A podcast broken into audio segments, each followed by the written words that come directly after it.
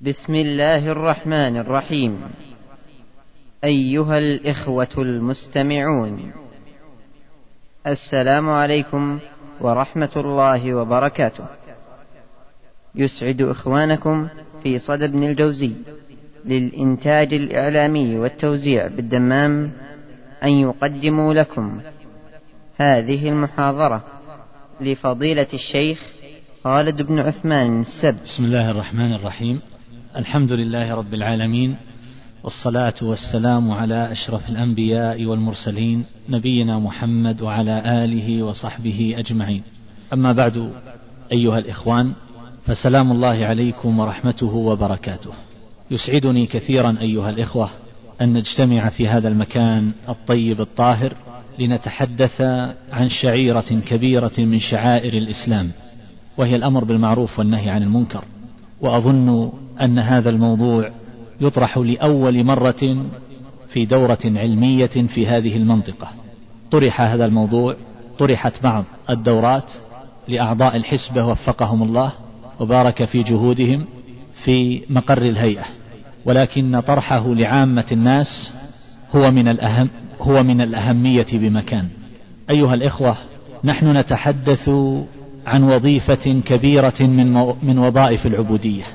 نحن نتحدث عن عمل شرعه الله عز وجل وهو من شرائع الإسلام الكبرى التي لها آثار متعدية فهو عمل يتصل بالغير عمل له مساس بالآخرين له مساس بمن حولك من جيرانك وله مساس بالباعة بالأسواق وله مساس بشهوات الناس ورغباتهم ولا ريب أن من, أن من يلمس هذا الجانب فإنه سيواجه صعوبات وعراقيل وعقبات لأن فطام النفوس عن شهواتها أمر يصعب عليها. حديثنا أيها الإخوة في هذه الموضوعات عن قضية الإصلاح إصلاح المجتمع. عن إصلاح النفوس وحملها على طاعة الله عز وجل. وحينما نتحدث عن الإصلاح ينبغي أن نتحدث عمن يقوم بهذا الإصلاح. فإنه لا يمكن أن يتحقق المقصود أيها الإخوان. إذا تولى هذا الإصلاح من لا يحسنه. إذا قام به من لا يفقه التراتيب والآداب والأمور التي ينبغي أن تراعى في نفسه وفي عمله في سلوكه في خطابه الذي يوجهه في أولوياته التي يهتم بها في طريقة التغيير في حسن الاختيار والتدبير في التلطف بالناس في مواضع اللطف والإغلاظ حيث يحسن ذلك. أقول أيها الإخوان تصوروا هذا البناء الذي اجتمعنا فيه. لو أنه اختل شيء من نظامه لو اختل هذا الجهاز أو اختل هذا الطلاء أو اختل الكهرباء أو غير ذلك فغار بعض أهل المسجد وأراد أن يصلح ما اختل فيه وهو لا يحسن. ماذا تظنون؟ لو قام بعضهم بطلاء ما اختل من طلاءه وقام الآخر بإصلاح ما اختل من إضاءته وثالث قام بإصلاح هذه الأجهزة. أليس المتوقع أيها الإخوة والأخوات أن يكون الخلل في ازدياد؟ أو أن يرقى ذلك على خلل وضعف وتقصير؟ لأن اليد التي باشرت هذا الإصلاح ليست حصيفة. ولا تحسن تعاطي هذا الجانب.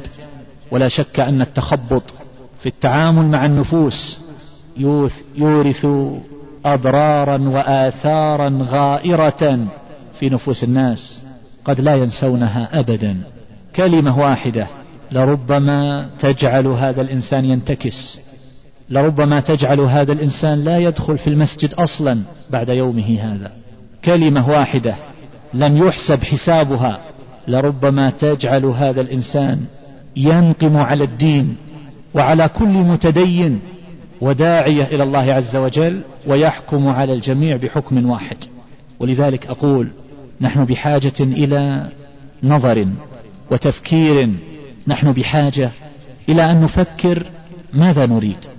أن نفكر أيها الإخوان إلى أي شيء نريد أن نصل مع هؤلاء الناس سواء كان هؤلاء من أبنائنا في البيت أو كان هؤلاء من جيراننا أو من جماعة المسجد أو كان هؤلاء من زملائك في الدراسة أو من تدرسهم أو من زملائك في العمل أو غير هؤلاء ممن تحتف بهم وتختلط بهم في الأسواق والمجامع العامة صالات الأفراح أو من تخاطبهم من المسؤولين وذوي الوجاهات.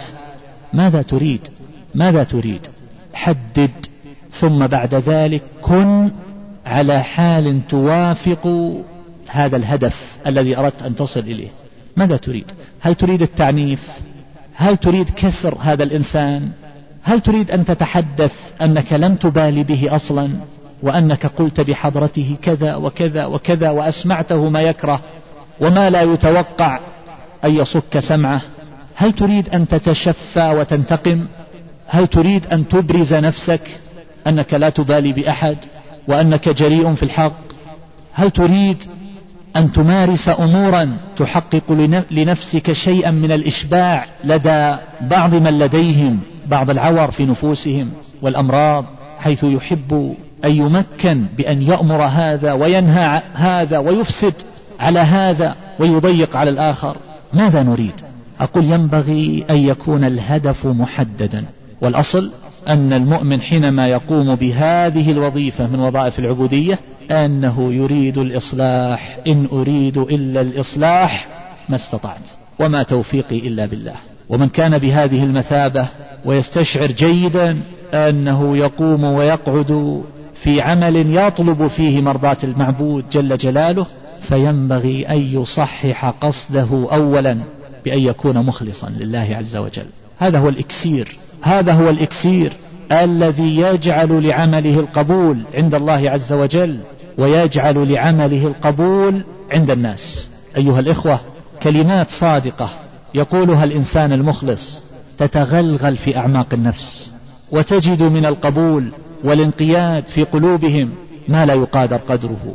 والناس يعرفون ويميزون يعرفون من يريد علوا في الأرض وفسادا وإن تدثر بدثار الأمر بالمعروف والنهي عن المنكر. يعرفون من يريد أن ينسب إليه الناس أمورا يحصل بها الفخر والرئاسة. فيقال فلان له إنجازات وأعمال وغير كذا وأنكر على كذا وكتب لفلان وجرى على يده كذا وكذا من الأعمال. الناس يفرقون ولربما أحسنوا إليه اتقاء لشره وشر الناس من أحسن الناس إليه اتقاء لفحشه.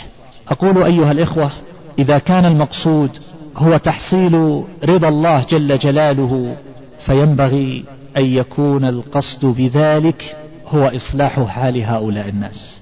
هؤلاء الناس الذين قصروا في الواجبات أو فيما أمرهم الله عز وجل به أو ارتكبوا بعض المخالفات هؤلاء الناس مرضى وبالتالي فهم يحتاجون إلى أخذ باليد يحتاجون إلى علاج. إذا رأيت من يقيم على المنكر فاعلم أنه مريض عليل يحتاج إلى من, إلى من يأخذ بيده. فلا يحسن أن تمر به وتطأطئ رأسك وتدع هذا الإنسان يواجه الحتوف والآفات دون أن تكترث به. هذا خطأ. وإنما تنظر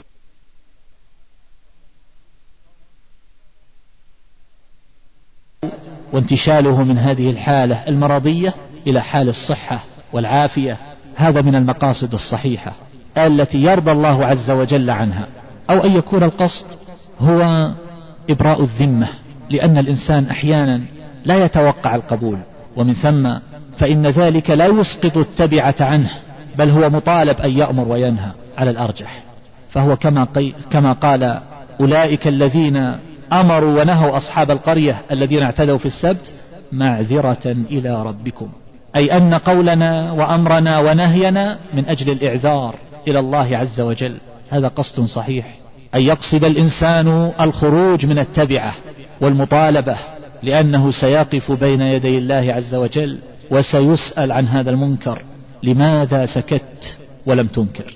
نحن نشتغل كثيرا في توصيف أفعال الفاعلين والحكم عليها وكل من أدلى بكلام أو مقال يأتي الشباب الصغار والكبار ويسألون. كأن الجميع مطالبون بأن يحكموا على كل قول وعلى كل فعل. لست بصدد ذلك. وأقوال الناس وأفعال الناس لا يمكن حصرها وتتبعها. فهذا أمر ينقضي به الزمان والعمر من غير طائل. أنت عليك القيام بوظائف العبودية. ومن ذلك الأمر بالمعروف والنهي عن المنكر. هذا خير من أن تشتغل قول فلان ما رأيك فيه. الموضوع الذي كتبه فلان ما رأيك فيه. الرد الذي رد به فلان ما رأيك فيه. الفعل الذي فعله فلان ما رأيك فيه. لست بحاجة ولست بمضطر. والله لن يسألك عن فلان هل هو جيد أو رديء. سيسألك عما تعبدك به وخاطبك به. ومن هذا هذا العمل. فيكون من المقاصد الصحيحة أيها الإخوان الإعذار وإبراء الذمة والخروج من العهدة عهدة التكليف. لن نسلم أيها الإخوة ولن نستريح ولن نتخلص من العقوبة والمؤاخذة العقوبة الخاصة والعقوبة العامة إلا بالقيام بهذا العمل. نعم فيه مشقة لا سيما من لم يعتد ذلك ولم يتدرب عليه لأن, لأن الآخرين قد يستثقلونه ويرون أن هذا من الفضول والتدخل في شؤونهم. لكنه إن عرف الطريق إلى ذلك فإنه بإذن الله عز وجل يوفق ويسدد ويحصل له من القبول ما لا يخطر له على بال. فقضية القصد إنما الأعمال بالنيات وإنما لكل امرئ ما نوى فهو شرط في قبول سائر الأعمال. ومن الناس من يقوم بهذا رياء وسمعة ولا يحصل له من جراء ذلك إلا الخيبة وقلوب الناس تلعنه. مع ما يقوم به من أعمال كبيرة. وقد يسلط عليه كما ذكر ذلك بعض أهل العلم أن الرجل لربما قام حسبة يأمر بالمعروف وينهى عن المنكر وفي قلبه شيء. في قلبه شيء قلبه ملتفت إلى المخلوقين يريد أن يحمدوه وأن يذكر. فماذا يحصل بسبب هذا أيها الإخوة؟ يعاقبه الله عز وجل ويعجل له العقوبة أحيانا فيسلط عليه من يظلمه ويهينه ويذله ولربما انكسر ولربما تحول من ذلك الشق إلى شق آخر فيقال في حقه فليتك ثم ليتك ما نهيت فالعبد أيها الإخوة يحتاج دائما إلى مراقبة القصد والنية. يحتاج دائما إلى التفتيش عن خلجاته وحركات نفسه وقلبه ويفتش في سكناته. ماذا أراد؟ ماذا يعني بهذه الكلمة؟ ماذا يعني بهذا الفعل؟ والله عز وجل لا يخفى عليه خافية. وثقوا أيها الإخوان أنه متى صح القصد انفتح أمام الإنسان من أبواب القبول والتسديد ما لا يقادر قدره. نحن بحاجة فقط إلى نية نية صحيحة أن نصلح وأن نكثر المعروف وأن نقلل الشر أن يكون قصدنا هو رضا الله عز وجل. وبالتالي فنحن لا نبالي. أثنى الناس أم ذموا؟ رضوا أم غضبوا؟ لكننا نسلك الطريق الصحيحة وما وراء ذلك فإن الله عز وجل لا يكلفنا به. والطريق الصحيحة وهذا هو الأدب الثاني هي التي شرعها الله عز وجل وأمر بها.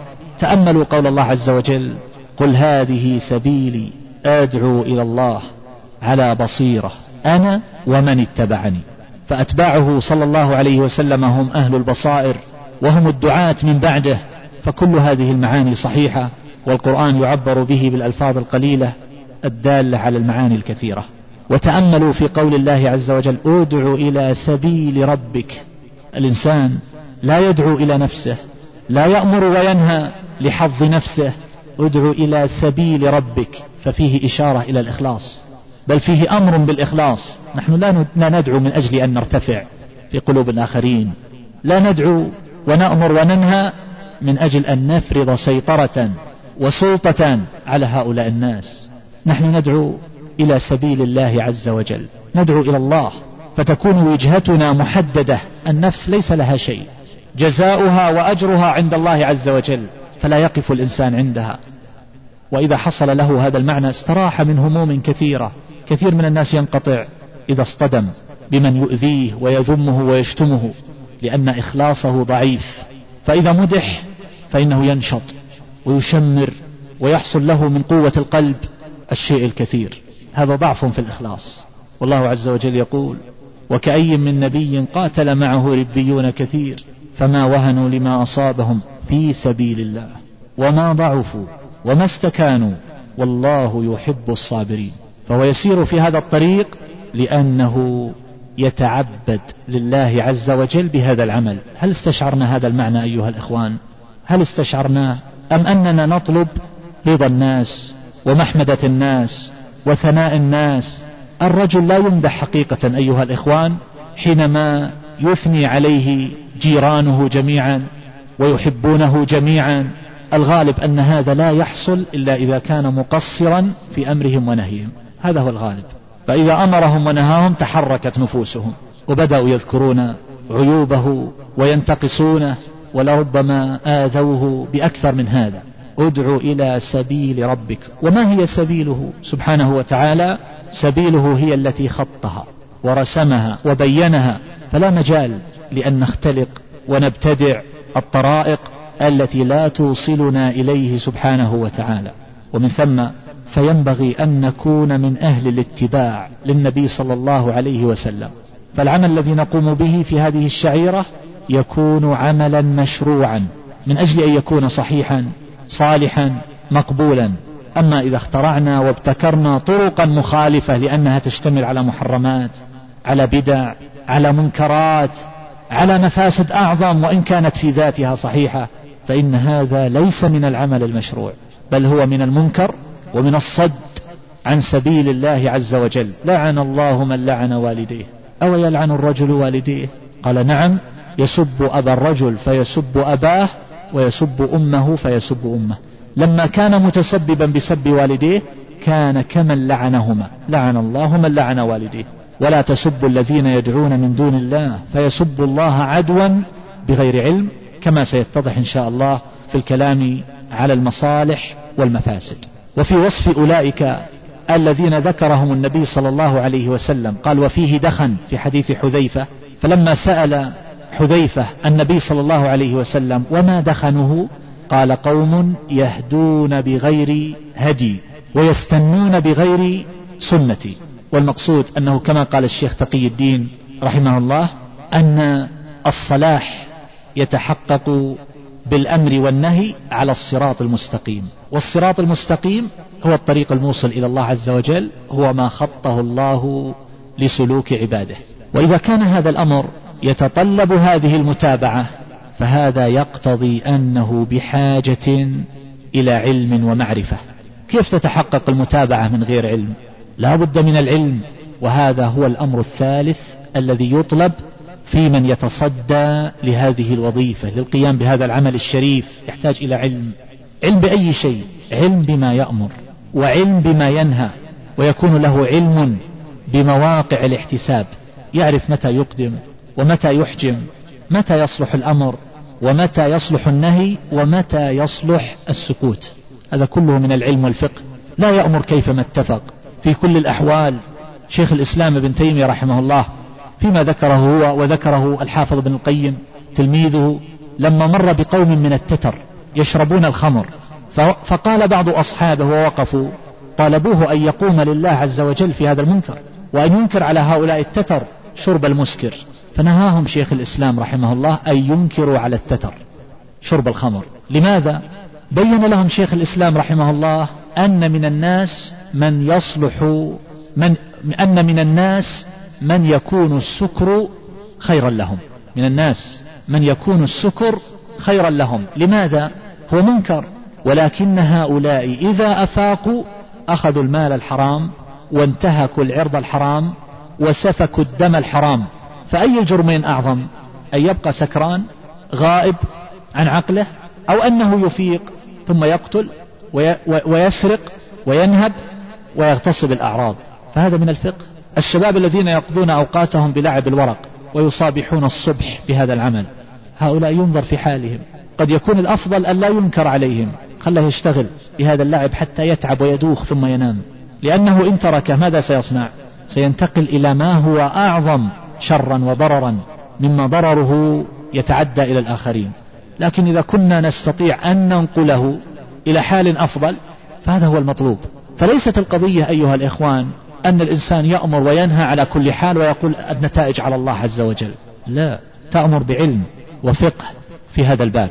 وفي كثير من الحالات فيما نسمع وقد نشاهد بعض المواقف نجد من ينهى من يفعل سنة من السنن لأنها غريبة عليه جديدة بالنسبة إليه فينهى عنها. وقد يأمر بأمور فيها مخالفة. فهذا يأمر وينهى من غير من غير علم. قل هذه سبيلي أدعو إلى الله على بصيرة. أنا ومن اتبعني. فالجاهل ينبغي له أن يتوقف فيما يجهله فلا يأمر ولا ينهى. والله يقول ولا تصف ولا تقولوا لما تصف ألسنتكم الكذب؟ هذا حلال وهذا حرام لتفتروا على الله الكذب. وفي هذا المعنى يقول عمر بن عبد العزيز رحمه الله من عمل على غير علم كان ما يفسد أكثر, ما أكثر مما يصلح وهذا صحيح. وليس معنى ذلك أن الإنسان لا يأمر ولا ينهى ولا يدعو إلى الله عز وجل إلا إذا كان عالما ووصل إلى مرتبة كبيرة في التحصيل العلمي أبدا. وإنما المقصود أنه يأمر في حدود ما يعلم. هناك أمور لا تخفى على أحد فمن منا يخفى عليه أن الصلاة واجبة؟ وكم عدد الذين لا يصلون. اذهب إلى الأسواق. وانظر أبواب المتاجر. تجد أكداسا من البشر ينتظرون انصراف الناس من الصلاة. مثل هذا. هل يخفى على أحد أن هذه الصلاة واجبة وأن هذا الجلوس عنها من المنكرات بل من أعظم المنكرات؟ هذا ما يخفى. فحينما نقول العلم يعني العلم بهذه القضية التي يأمر أو ينهى يأمر بها أو ينهى عنها فقط. وأما إذا كان لا يأمر إلا العلماء ولا ينهى إلا العلماء فمعنى ذلك أن أن هذا العمل سيبقى محصورا في فئة قليلة وقد يتلاشى كم عدد العلماء. وفي بعض البلاد الإسلامية لربما يصل العدد إلى مئتي مليون ما فيهم عالم واحد. فماذا يصنع الناس؟ كل من يعلم أن هذا من المعروف أو هذا من المنكر يجب عليه أن يتحرك ويقوم لله عز وجل وبهذا يكثر الخير ويعم. أما أن تبقى هذه الجموع الغفيرة من طلاب العلم ومن الدعاة ومن الشباب الصالح وحتى الفساق أن تبقى هذه الجموع تتفرج والذين يأمرون وينهون قلة أفراد فهذا غير صحيح. ومن شأنه أن تموت هذه الشعيرة وأن تفشو المنكرات وأن يقل المعروف. فلا بد أن يقوم كل مسلم بما افترض الله عز وجل عليه وإن كان مقصرا في نفسه كما سيأتي. تكلم في حدود ما تعلم. وإذا تكلمت أو تحركت إزاء هذا المنكر فإنك ينبغي أن تراعي الطريقة التي تتعامل بها مع هذا الإنسان. هناك أيها الإخوان أساليب ووسائل. هناك ألوان من المعاملات من شأنها أن تأسر قلوب الناس. وهناك أساليب من شأنها أن تنفرهم وتبغضهم في هذه الشعيرة وفي من يقوم بها. يا إخوة نحن بحاجة إلى الرفق وهذا هو الأدب الرابع أن نرفق بهؤلاء الناس. إذا استشعرت أنهم مرضى بحاجة إلى علاج ونظرت إليهم بعين القدر فإنك ترحمهم ترحمهم وتشفق عليهم وتحاول بكل مستطاع أن تنتشلهم من هذا المستنقع. إذا ذهبت إلى مقهى إذا رأيت شبابا يرقصون في الطريق فلا شك أن غيرة الإنسان تتحرك ولربما غلى الدم في عروقه غيرة لله عز وجل. ولكن ينبغي أن يقف قليلا قبل أن يتحرك وينكر ما هي الطريقة الملائمة في تحقيق المطلوب. هل هي العنف أو الرفق؟ فكر قبل أن تقدم. من الناس من لا يصلح له إلا العنف. والشدة والإغلاظ وأظن أن هؤلاء قلة إما للؤمهم لأنه لا يجدي معهم مكارم الأخلاق والإحسان والإفضال واللطف فيتطاولون على هذا الإنسان ويستضعفونه وإما أن يعمد الإنسان إلى الشدة والغلظة لأن المقام يقتضي إيصال رسالة قوية تدل على عظم هذا الأمر الذي ارتكب أو منزلة ذلك الأمر الذي ترك. ولكن ينبغي أن يكون هذا عند من يحتملك. وينبغي أن تعلم جيدا أن هذا الإغلاظ وهذه الكلمات التي تقال قد تصدر من إنسان فتكون بلسما على القلوب. ولربما يرددونها في مجالسهم فرحا بها وافتخارا مع أنها قوية. يحتمل منه. ما لا يحتمل في غي من غيره. ورأينا بعض الناس لربما عدوا الكلمة الغليظة من رجل كبير عظيم القدر لربما عدوها منقبة يرددونها ويحكونها في مجالسهم أنه قال لهم كذا وهذا معروف. فأقول يحتمل من إنسان ما لا يحتمل من غيره. فما كل الناس يحتمل منه الغلظة والشدة والكلمات القوية. الآن أيها الإخوة الشاب الذي لربما لم يبلغ الخامسة عشرة قد يقول له أبوه كلمات قوية فيقبلها أليس كذلك؟ لكن لو قالها أستاذه في المدرسة أو قالها جاره أو قالها إمام المسجد لربما لا تحتمل أليس كذلك؟ ولربما ترك الصلاة في المسجد ولربما شتمه وسبه وترك العمل الذي هو فيه إذا كان يشتغل معه بحسبة بدعوة بعمل صالح. فينفر منه غاية النفور. لماذا احتملها من أبيه ولم يحتملها من هذا؟ هو ما ذكرت. وهكذا الرجل الكبير. أقول نحن أيها الإخوة ينبغي أن يكون الأصل هو اللطف والرفق واللين إلا إذا اقتضى المقام خلاف ذلك. الله عز وجل يقول في حق نبيه صلى الله عليه وسلم وهو أكمل الخلق وأشرف الخلق وهو الكبير صلى الله عليه وسلم يقول ولو كنت فظا غليظ القلب لانفضوا من حولك فاعف عنهم. واستغفر لهم وشاورهم في الأمر. ذكر ثلاثة أشياء تطيب بها النفوس والقلوب. نحن بحاجة مع الزوجات ومع الأبناء ومع الطلاب ومع المتسوقين ومع الباعة ومع غيرهم. نحن بحاجة إلى شيء من المداراة وليست المداهنة والملاطفة. لربما نفوت أحيانا في سبيل تحصيل مطلوب أكبر أو في سبيل جذب القلوب وإصلاح عمل هؤلاء الناس. فقد لا نقف عند كل خطأ وكل تقصير وإنما نراعي الحال والمقام. هناك أمور تؤخر لا تحسن الآن إما لأنها بالحضرة حضرة الآخرين أو لأن هذا الإنسان لا يحتملها عقله أو علمه قلبه. بعض الناس لو, لو جلس يردد بعض الأذكار في غير موضعها وقلت له هذا لا يشرع أقام الدنيا ولا أقعدها. قال تنهى عن المعروف تنهى عن ذكر الله عز وجل ولا يمكن أن تصل معه إلى نتيجة.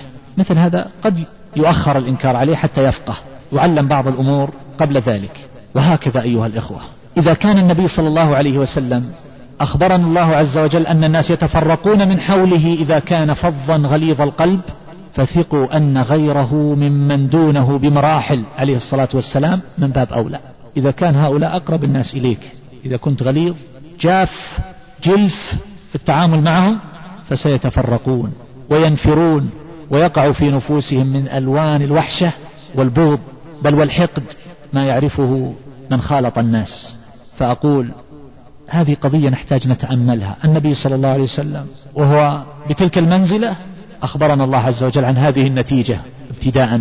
إذا فاعف عنهم واستغفر لهم وشاورهم في الأمر. العفو حيث يحسن العفو ما هو دائما؟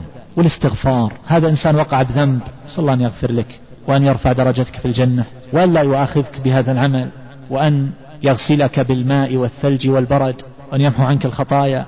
لو تقول له هذا الكلام يذوب أمامك كما يذوب السكر في الماء. يذوب ويدعو لك وإن لم ينفذ لكنه سيقبل رأسك. وأنت لست بحاجة إلى هذا. ويدعو لك ويشتط في هذا ويعتذر. بينما لو جئته وأمرته ونهيته لطما في الوجه. صككت الكلام الغليظ في وجهه صكا. ماذا ستكون النتيجة؟ يا إخوة الناس بحاجة إلى شيء من التلطف. الحيوانات أنا أتأمل كثيرا من الأشياء التي أراها. تأمل القط الآن إذا أجلسته وجلست تمسح عليه. ماذا يصنع؟ يغمض عينيه ويجلس بطريقة معينة في غاية اللطافة والهدوء والمسالمة. أليس كذلك؟ حيوان فإذا زجرته انتفش وحدق بعينيه وظهرت مخالبه واستعد للمنازلة والنفور وجرى الدم في عروقه. أليس كذلك؟ الناس هكذا يا إخوة. الناس هكذا. شيخ عبد العزيز بن باز رحمه الله حينما كان مديرا للجامعة الإسلامية حصل له حصل معه موقف أحد العلماء الكبار في بعض العلوم. قال لأحد الطلاب والنبي افتح النافذة. فالطالب لم يحسن الرد ولا التصحيح. فقال قل والله من حلف بغير الله فقد كفر أو أشرك. فسبه هذا الشيخ سبا عنيفا وأقذع في سبه وشتمه وقال كلاما لا يليق أن أقوله في هذا المسجد وسب ما ينبز به هذا الطالب من مذهب وخرج. خرج يريد أن يسافر إلى بلاده وأن يترك الجمل وما حمل ولا يقعد بين ظهرني هؤلاء الناس.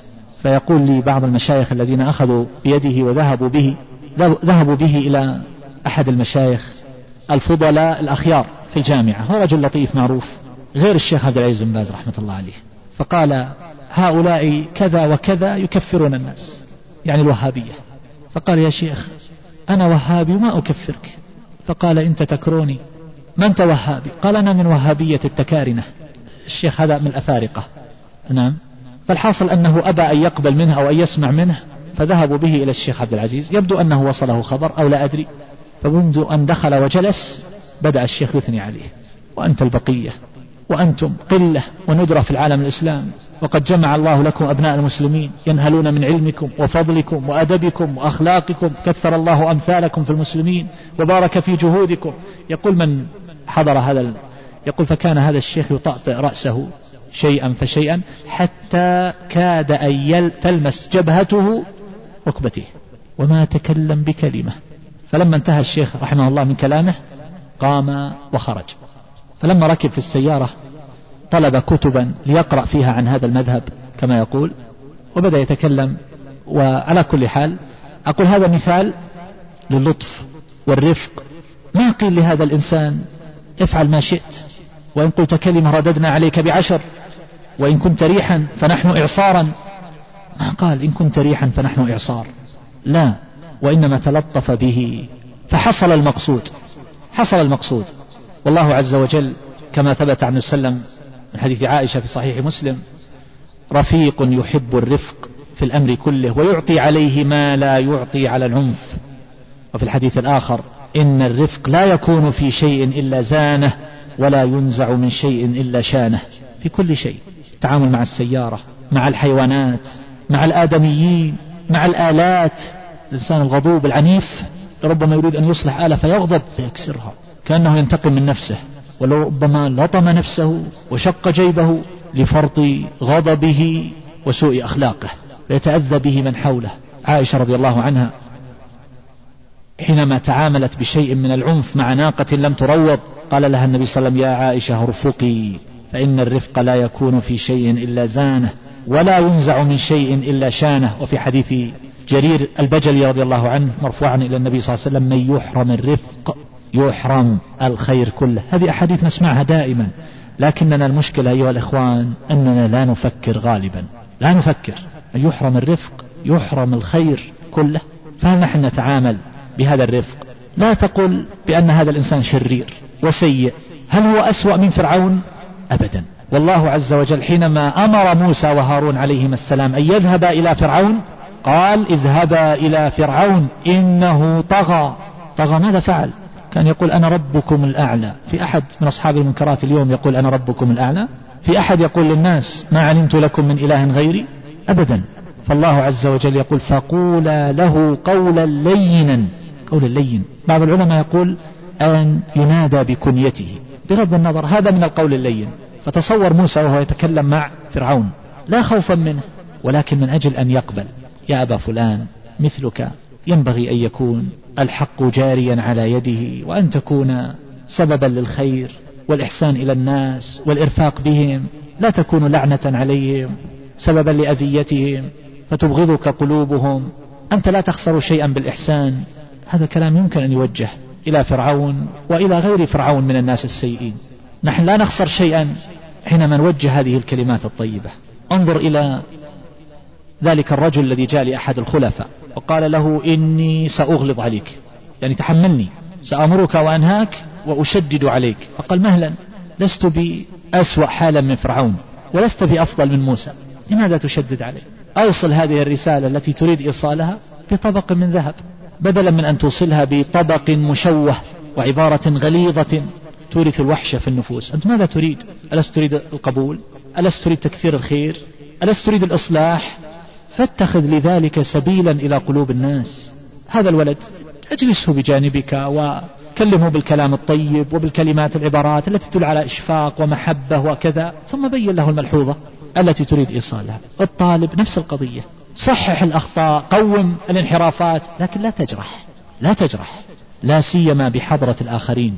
كثير من النفوس لها عزة وأنفة فلا يقبل أن يذل ويهان بحضرة زملائه أو من يعتد بهم. ويحفظ مروءته بحضرتهم فيلطم على قفاه يضرب ويهان ويشتم. هذا لا, لا يجوز. فينفر وينقطع. انظروا إلى مؤمن آل فرعون. ماذا قال لهم لما أرادوا قتل موسى؟ تلطف بهم. أتقتلون رجلا؟ أن يقول ربي الله. وقد جاءكم بالبينات. يقول لهم يا قوم لكم الملك اليوم ظاهرين في الأرض فمن ينصرنا؟ ما قال من ينصركم؟ جعل القضية همه وأن مصلحتهم من مصلحته. وأنه يريد نفعهم ويخاف عليهم. كلام مشفق. من ينصرنا من بأس الله إن جاءنا؟ يقول لهم يا قوم إني أخاف عليكم مثل يوم الأحزاب. يا قوم إني أخاف عليكم يوم التناد. تخيلوا أيها الإخوان. أقول تصوروا أيها الإخوان. لو أن صبيا في هذا المسجد الآن أخذ علبة من العصير ثم جلس يطوف بهذا المسجد ويعصره على الأرض. ماذا نتوقع من ردود أفعال الناس؟ لربما هذا تله ولربما هذا ضربه ولربما هذا شتمه ولربما ألحق ذلك بأبيه عن الشتم لربما لم يستطع هذا الأب أن يبقى في المسجد. أين نحن أيها الإخوان؟ هذا رجل كبير أعرابي دخل المسجد. في بعض الروايات أنه جاء فرفع يديه وقال اللهم اغفر لي ولمحمد ولا تغفر لأحد معنا. فضحك النبي صلى الله عليه وسلم وقال تحجرت واسعا أو لقد تحجرت واسعا. ثم ذهب فشج يبول في ناحية من المسجد. ذهب إلى جهة في المسجد زاوية وجلس يبول في المسجد. ضاقت الأرض بما رحبت. حرار المدينة الثلاث ضاقت عليه ولا وجد يبول إلا في المسجد. فقام إليه الناس ونهروه فنهاهم النبي صلى الله عليه وسلم وقال لا تزرموه بوله. لا تقطعون عليه البول. ليه؟ لأنه يتألم ويتضرر إذا توقف عن التبول. أعزكم الله من يسمع في منتصف. فحتى انتهى. فلما فرغ أمر النبي صلى الله عليه وسلم بسجل من ماء فأهريق عليه. وعلمه صلى الله عليه وسلم قال إن هذا المسجد لا يبال فيه. هذا مو بدورة مياه. إن هذا المسجد لا يبال فيه وإنما بني لذكر الله وللصلاة. تصور لو جاء الآن أحد يبول في المسجد. ماذا يصنع به الناس؟ الإمام النبي صلى الله عليه وسلم مع أمامة وهي بنت ابنته يصلي فإذا قام حملها. وإذا ركع أو سجد وضعها. لو الإمام يجيب بنته ويحملها إذا قام وإذا سجد وضعها في كل ركعة. يصلي فيسجد ويطيل السجود. فيأتي بعض الصحابة ويرفع رأسه لينظر فيجد أن الحسن أو الحسين قد ارتحله ركب فوق ظهره. فلما فرغ النبي صلى الله عليه وسلم من صلاته أخبرهم إن ابني قد ارتحلني فكرهت أن أعجله. يعني حتى يقضي حاجته ينبسط ويلعب. على ظهر النبي صلى الله عليه وسلم وهو الإمام لو أن الإمام يأتي أطفاله ويفعلون هذا ماذا يفعل الناس؟ ماذا يفعلون؟ يذهبون إلى الأوقاف ولو حبوا يشتكونه. هذا إذا سلمت عظامه ونفسه أليس كذلك؟ النبي صلى الله عليه وسلم يخطب على المنبر ثم يجد الحسن أو الحسين يقوم ويقع وعليه برد أحمر فينزل النبي صلى الله عليه وسلم ويضمه ثم يحتمله معه ويقول صدق الله إنما أموالكم وأولادكم فتنة. لما رأيت ابني هذا يقوم ويقع لم أحتمل حتى نزلت ف أو كما قال عليه الصلاة لو, لو الإمام في الخطبة يفعل هذا ينزل من الخطبة ويقطعها علشان يشيل طفل صغير من أطفاله جاء يقوم ويقع فاحتمله وأخذه. ماذا سيقول الناس عنه؟ نحن لدينا يا إخوة لدينا قدر كبير من العنف الشدة والغلظة لم تكن عند رسول الله صلى الله عليه وسلم. لما صلى بأصحابه صلى الله عليه وسلم وصلى معهم معاوية ابن الحكم السلمي فعطس رجل من القوم فقال الحمد لله فنظر إليه معاوية بن الحكم وقال يرحمك الله. تكلم في الصلاة يقول فجعلوا يرمقونني بأبصارهم فقلت واثك لأمياه ما بالكم تنظرون إلي؟ قل ماذا عنيت حتى تنظرون إلي؟ وهو في الصلاة يقول فجعلوا يلطخون أفخاذهم فعلمت أنهم يسكتونني فسكت. فلما فرغ النبي صلى الله عليه وسلم من صلاته ماذا قال؟ إن هذه الصلاة لا يصلح فيها شيء من كلام الناس. معاوية يقول فبأبي هو وأمي فوالله ما ضربني ولا كهرني ولا نهرني وإنما قال كذا وكذا وكذا. ما نظر إليه بعين يتطاير منها الشرر أو هزأه أمام الآخرين. الشاب الذي جاء للنبي صلى الله عليه وسلم واستأذنه في الزنا أن يزني أن يرخص له فزجره الناس وقالوا مه مه فالنبي صلى الله عليه وسلم نهاهم عن ذلك وقال له ادنوا حتى اقترب منه ثم قال أترضاه لأمك؟ قال لا بأبي أنت وأمي. فقال أترضاه لابنتك؟ قال لا. قال أترضاه لأختك؟ قال لا. قال أترضاه لعمتك؟ قال لا. قال أترضاه لي؟ وهكذا. ثم في كل مرة يقول النبي صلى الله عليه وسلم وهكذا الناس لا يرضونه لبناتهم وهكذا الناس لا يرضونه لأمهاتهم وهكذا الناس لا يرضونه لأخواتهم وهكذا الناس لا يرضونه لعماتهم. ثم مسح على صدره ودعا له فما عاد هذا الشاب يلتفت إلى شيء. وهكذا في أمثلة كثيرة. فالأمر كما قال الإمام مالك رحمه الله من الناس من يرفق به فيطيع فيطيع. وقد قال بعض الفضلاء من المعاصرين كلاما جيدا يقول يقول هؤلاء الناس مهما بدا لنا أنهم في غاية السوء والجفاء فإن هؤلاء إن وجدوا يدا حانية ووجدوا من ينصت إليهم ويهتم بشؤونهم وأحوالهم واطمأنوا إلى هذا الإنسان وكانوا واثقين به وبحنوه عليهم وبشعوره بآلامهم يقول فسرعان ما تتبدى تلك القشرة الصلبة إلى ثمرة شهية حلوة. يقول هذه القشرة تغطيهم فيبدون قساة أجلاف سيئين جدا. يقول وذلك لأنهم يعافسون الحياة وما فيها من صلف. يعافسون الناس وهم يشعرون أنه إن لم يسرق يسرق وإن لم يظلم يظلم وإن لم يغتصب يغتصب وإن لم يأخذ حقه بالقوة أخذ منه واستضعف. يعيش في حياة يشعر أنه في غابة. فتتبدى أخلاقه السيئة ورعونته وجفاؤه وجلافته. فإذا وجد من يحنو عليه ويمسح عليه ويهتم بآلامه وهمومه وشؤونه ومشكلاته واطمأن إليه ووثق به تكشفت هذه القشرة الصلبة عن ثمرة شهية حلوة. فالناس مهما بدوا في غاية السوء إذا وجدوا من يرحمهم ويهتم بهم أذعنوا له غالبا وأحبوه من كل قلوبهم. وعلى كل حال أنت تقصد الإصلاح. فإذا كان هذا الطريق هو الذي يوصل إليه فعليك أن تسلكه. وقد قال الثوري رحمه الله أمر بالمعروف في رفق فإن قبل منك حمدت الله عز وجل وإلا أقبلت على نفسك. وكان يقول لا يأمر بالمعروف ولا ينهى عن المنكر إلا من كان فيه خصال ثلاث رفيق فيما يأمر رفيق بما ينهى عدل بما يأمر عدل بما ينهى عالم بما يأمر عالم بما ينهى. وكان الإمام أحمد رحمه الله يقول والناس يحتاجون إلى مداراة ورفق في الأمر بالمعروف بلا غلظة إلا رجلا مباينا معلنا بالفسق. وكان أصحاب ابن مسعود رضي الله تعالى عنه كانوا إذا رأوا مخالفة رأوا أحدا يفعل ما لا يليق كانوا يقولون مهلا يرحمكم الله مهلا يرحمكم الله. هذا الأسلوب الذي يخاطبون فيه صاحب صاحب المنكر لأنه كما قال الإمام أحمد ما أغضبت رجلا فقبل منك. أنت كأنك تقول لا تقبل ولا تمتثل. أنا أقول لبعض الإخوان أحيانا تصوروا يا إخوة أن بلدا أتاها اثنان من المنصرين.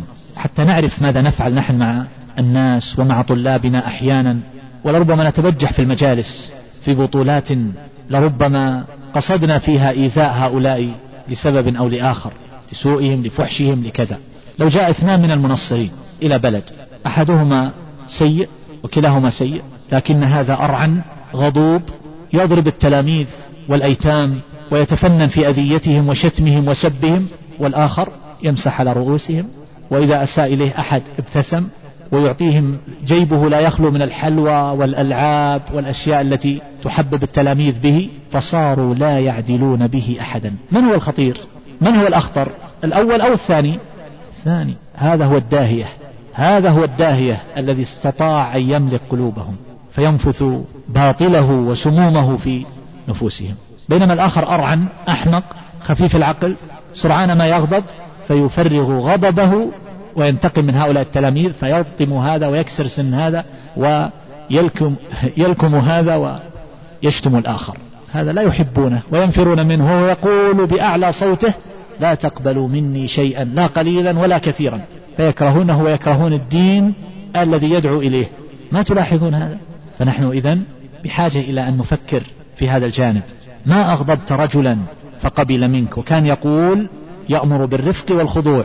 فإن أسمعوه ما يكره لا يغضب.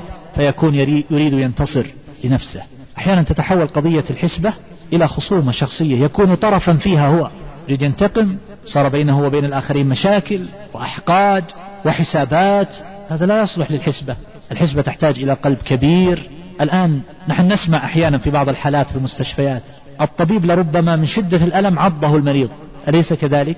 لكنه يتحمل ذلك منه.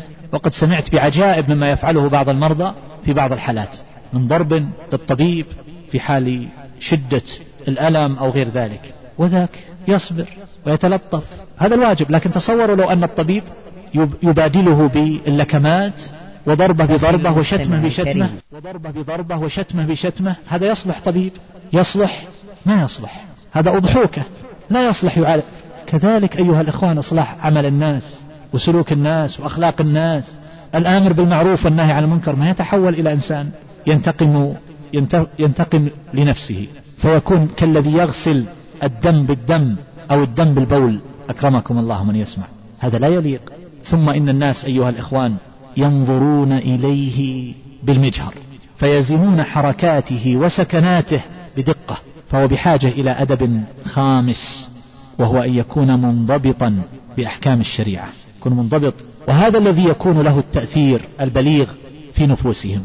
إذا جاء إنسان يأمرهم وينهاهم وهو فاسق مقصر منحرف المعصية ظاهرة عليه فمثل هذا الناس يهزؤون به ويقول له أصلح نفسك ثم بعد ذلك توجه إلى الآخرين لتصلحهم.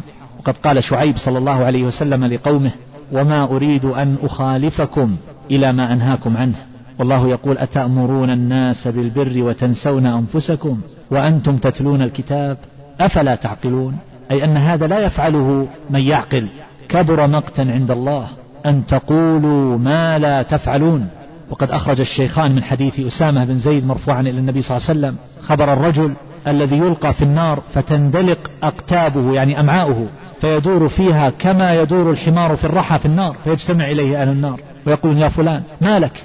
ألم تكن تأمرنا بالمعروف تنهانا عن المنكر؟ يقول بلى كنت آمركم بالمعروف ولا آتيه وأنهاكم عن المنكر وآتيه وقد قيل لا تنهى عن خلق وتأتي مثله عار عليك إذا فعلت عظيم وغير تقي يأمر الناس بالتقى طبيب يداوي الناس وهو سقيم.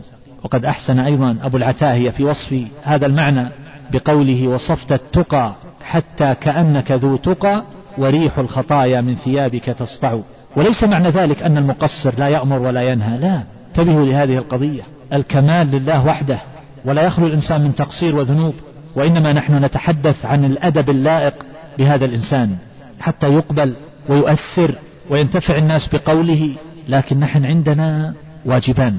الامتثال في النفس والأمر والنهي. هذا الإنسان يجب عليه أن يكون ممتثلا في ذاته في نفسه لا يدخن مثلا. وينهى الناس عن التدخين. لكن لو أنه يدخن هل معنى هذا أنه يسقط عنه الأمر والنهي؟ لا. هما واجبان. هما واجبان. فترك أحد الواجبين لا يعفيه من الآخر. وترك واجب أسهل من ترك الواجبين. وهذه قضية يغلط فيها كثير من الناس. يقول أنا غير مستقيم غير ممتثل وبالتالي كيف أأمر وأنهى؟ نقول يجب عليك أن تأمر وتنهى. وإلا اجتمع عليك أوزار اجتمع عليك وزر ترك, ترك الامتثال في نفسك. ووزر أيضا ترك أمر الناس ونهيهم. فكل إنسان يجب عليه أن يأمر وينهى بحسب استطاعته وإن كان مقصرا. إذا لم يعظ الناس من هو مذنب فمن يعظ الناس بعد بعد محمد. ثم عليه أن يراعي بعض الأمور الدقيقة التي قد نغفل عنها وهو أدب سادس. أن توجه الخطاب إلى هؤلاء الناس وتتلطف بهم وتمتثل بنفسك في نفسك فلا يكون لهؤلاء الناس سبيل إلى رد دعوتك بسبب تقصيرك فتكون صادا عن سبيل الله عز وجل وفتنة لهؤلاء الناس عن سلوك الصراط المستقيم. أنت بحاجة أن تراعي أيضا أمرا آخر نغفل عنه كثيرا وهو أن هذا الخير الذي نقدمه نحن نؤمن بحقيته أنه حق ثابت. نحن نقدم هداية للناس. فمن أولى الناس بهذه الهداية أيها الإخوة؟ من أولى الناس بها؟ أقرب الناس إليك. وأنذر عشيرتك الأقربين. أما أن يبقى الإنسان يوجه الخطاب إلى البعيد وينتفع به الناس البعداء وأهله وأولاده وزوجته وأبوه وإخوانه لا يسمعون من كلمة واحدة. فهذا يدل على خلل عند هذا الإنسان. خلل في الأولويات خلل في التصور خلل في التربية نفعه لغيره نفعه للبعيد. والقريب محروم لا ينتفع لا ينتفع منه. ثم أيضا نحن بحاجة أن نراعي بعض الأمور. المهمة لأننا أمام منكرات كثيرة جدا وواجبات متروكة. تجد الرجل الواحد يتقلب بألوان المنكرات. فهل لا نأتي للناس لنصلح الواقع كل ما عند الناس من منكر؟ فنأتي دفعة واحدة لنطالب الناس بإصلاح الحال جملة وتفصيلا. ما يمكن هذا. إذا أردت أن تطاع فأمر بما يستطاع. ولذلك يجب علينا أن نقدم الأهم والأخطر في المنكرات العامة والمنكرات الخاصة. واجبات التي تترك. نبدأ بالأهم. إن اللبيب إذا بدا من جسمه مرضان مختلفان داوى الأخطر ابدأ بالأخطر بالأشد. والقرآن كما في حديث عائشة في الصحيح إنما نزل أول ما نزل من القرآن سورة من المفصل فيها ذكر الجنة والنار. حتى إذا ثاب الناس إلى الإسلام نزل الحلال والحرام. ولو نزل أول شيء لا تشربوا الخمر لقالوا لا ندع الخمر أبدا. ولو نزل لا تزنوا لقالوا لا ندع الزنا أبدا. فخوطبوا أولا بالإيمان بالتوحيد حتى ارتاضت نفوسهم. والنبي صلى الله عليه وسلم لما أرسل معاذا إلى اليمن ليكن أول ما تدعوهم إليه شهادة أن لا إله إلا الله. فإصلاح الخلل في عقائد الناس مقدم على إصلاح الخلل الواقع في سلوكهم. من حيث الجملة. فإذا أردنا أن نقدم الدعوة للناس ننظر هؤلاء الناس ما هي المخالفات عندهم؟ ونحن لا نستطيع أن نصلحها دفعة واحدة. فنبدأ بالأهم بالأعظم. إنسان عندك بوذي يعمل ولابس خاتم ذهب وتقول له ليش خاتم الذهب؟ لا تلبس هذا الخاتم هذا غير جيد. كلمة عن التوحيد عن شهادة أن لا إله إلا الله ادعو إلى الإسلام. فهذا هو الذي ينبغي. إنسان يعمل بعض المنكرات يدخن ويشرب الخمر ولكنه يطوف بالقبور ويدعو غير الله عز وجل. هذا الإنسان بحاجة إلى أن تصحح هذه القضية عنده حتى على الأقل ينجو من الخلود في النار. ثم بعد ذلك يخاطب بالأمور الأخرى. فنبدأ بالأمور الأساسية الأمور المهمة. عندنا مجتمع المجتمعات في منكرات كثيرة جدا. ما هي الأشياء الأساسية اللي تؤثر؟ نحن طبعا نلاحظ جملة أمور التي تأثيرها عام أخطر من التي تكون قاصرة على نفس الشخص المعين. إنسان عمل مشروع في منكرات. هذه المنكرات تفسد المجتمع. هذا أخطر من إنسان عامل استراحة لنفسه فقط فيها منكرات يغلق عليه بابه. هذا إنسان جاب بضاعة فيها أشياء محرمة تفسد التوحيد والدين والعقيدة. فهذه قضية خطيرة. نحن بحاجة إلى معالجتها. هذا مشروع عمل من شأنه أن يفسد المرأة. هذا أخطر من أن نشتغل بشيء بشيء دونه. نعم يجب أن تتضافر الجهود لكن يكون التركيز على الأمور الأساسية الأهم.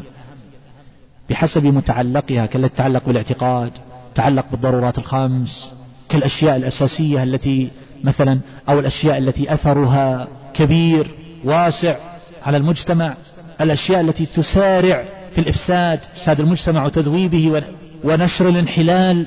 هذه أشياء يجب أن يبدأ أن يبدأ بها. ثم إذا استعان بالله عز وجل ورفق بهذا وخاطب ذاك وكتب إلى هذا فإنه لا بد أن يواجه ردود الأفعال. لا بد. لماذا؟ لأنه يلمس شهوات الناس والشهوات مركوزة ومغروزة في أعماق النفس البشرية. اتباع الهوى فعليه أن يصبر وأن يروض نفسه على الصبر ويعلم أنه سلك طريقا الأذية فيه أصل إلا إلا ما كان استثناء. الأصل الأذية. ولهذا في وصية لقمان لابنه وأمر بالمعروف وانهى عن المنكر. واصبر على ما أصابك لأنه يتوقع الأذى.